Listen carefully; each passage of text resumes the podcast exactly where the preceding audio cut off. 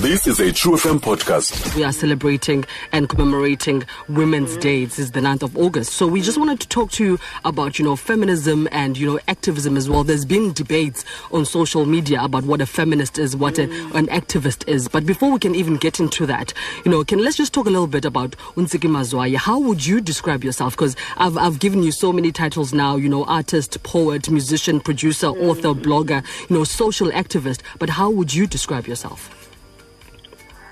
Um.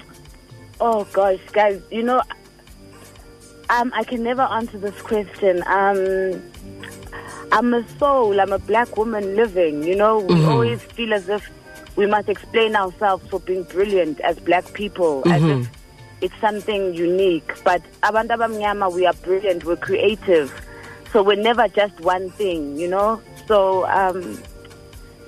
Yeah, I can never answer that question. We're Yeah. all uh, spiritual beings on a human journey. Mm-hmm. So I, I can never, I'm just learning and growing and trying to be better all the time. Mm-hmm. So when people call you a social activist, then, you know, mm. what, what does that mean?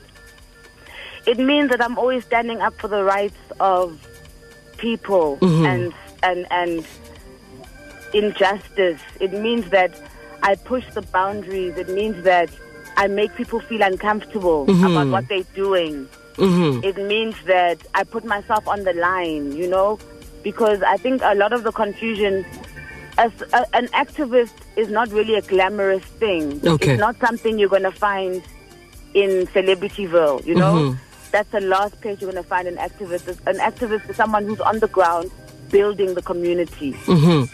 And now, so and so when people call themselves okanye they're given the title of activism, you know, um, you would you you wonder then, you know, w- how does that come about when it happens?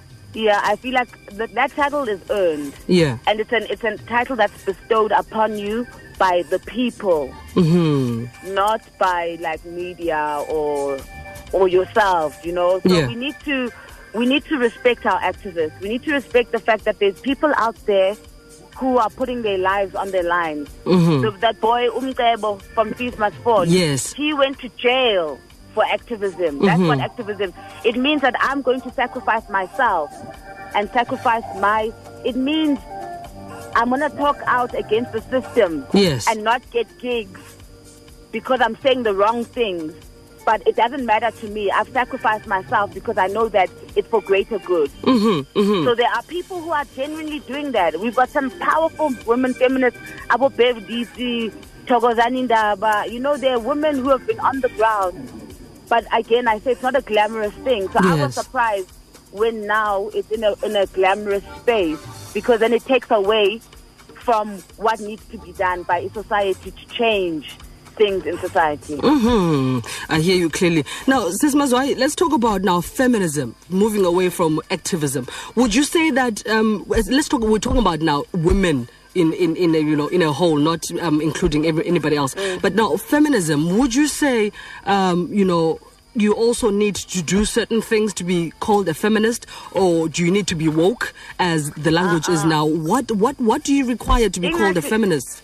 Mna, I find that this feminism thing actually trend, so you know, it's something Okay. to put on. So I, I don't believe. I, I can't find a word for feminism yesintu, Okay. so I can't relate to feminism. I just know that in my culture, men and women used to be equal, and I know that when uh, colonialization came in, then there was um, uh, uh, uh, uh, uh, there were dynamics that came in that separated the black man and the black woman and created an inferior and superiority complex between us because of what we were facing collectively. So um, I don't like these labels that Abelung give us. Yes. Yes. You know, um, I just feel like we must come back to ourselves. We'll find that Yesintu, we don't, there's no need for feminism because women are already on a pedestal. Yesintu, we, we find women to be sacred beings. The fact that they give birth is a very powerful thing, Yesintu. So our men always used to look after us and protect us. They used their amandla abo in the right way. So when mm-hmm. the Abelung came and divided our family units, then our men started abusing that power. from their own frustrations. So that's why I'm saying, I don't know if I subscribe to this feminism thing because yes, divider. As women, we know I'm a woman and there's struggles I'm going through because I'm a woman. So we can't keep like creating pockets. Yeah, no, ndiyakuva. Now it is the 9th of August. Um, it is Women's um, Women's Day namhlanje in Women's Month. What does Women's Day mean for you and the whole month um, a- as well? Well, it's a waste of time for me because I don't think that South Africans even take it seriously. Um, I feel like women are being killed and raped. The issues that affect women are not changing. Mm-hmm. So iba window dressing i Women's Day, you know? Yeah. It's just people just do hype. It's like Madiba Day or something. So uh, until the men change their attitudes and behaviors towards women, there is no Women's Day. Mm. What what would be the ideal action to be taken on this day? What would be ideal for you so that we remove that window dressing? Uh, what would be ideal for me is for men to start calling themselves to order. You call your friends to order when they're abusing their, their women. You call it to order. You call it out. Because men enable other men to abuse women. Mm. And that's where the problem lies. Mm. If other men, if men protect women like they're supposed to, we won't need Women's Day. hmm And Women's Month as well. I hear We what won't you. need it. Yeah. Right. Um, Ms. Mazwai, before I let you go, um, we are in Women's Day. Obviously, we have it's Women's Day today. We are in the Women's Month as well, and we are actually experiencing um, a lot of gender-based violence in the country. You know, what message would you like to impart before I let you go to the youth, to the young women, you know, listening now as you speak? Can can can you hold rapists accountable, please?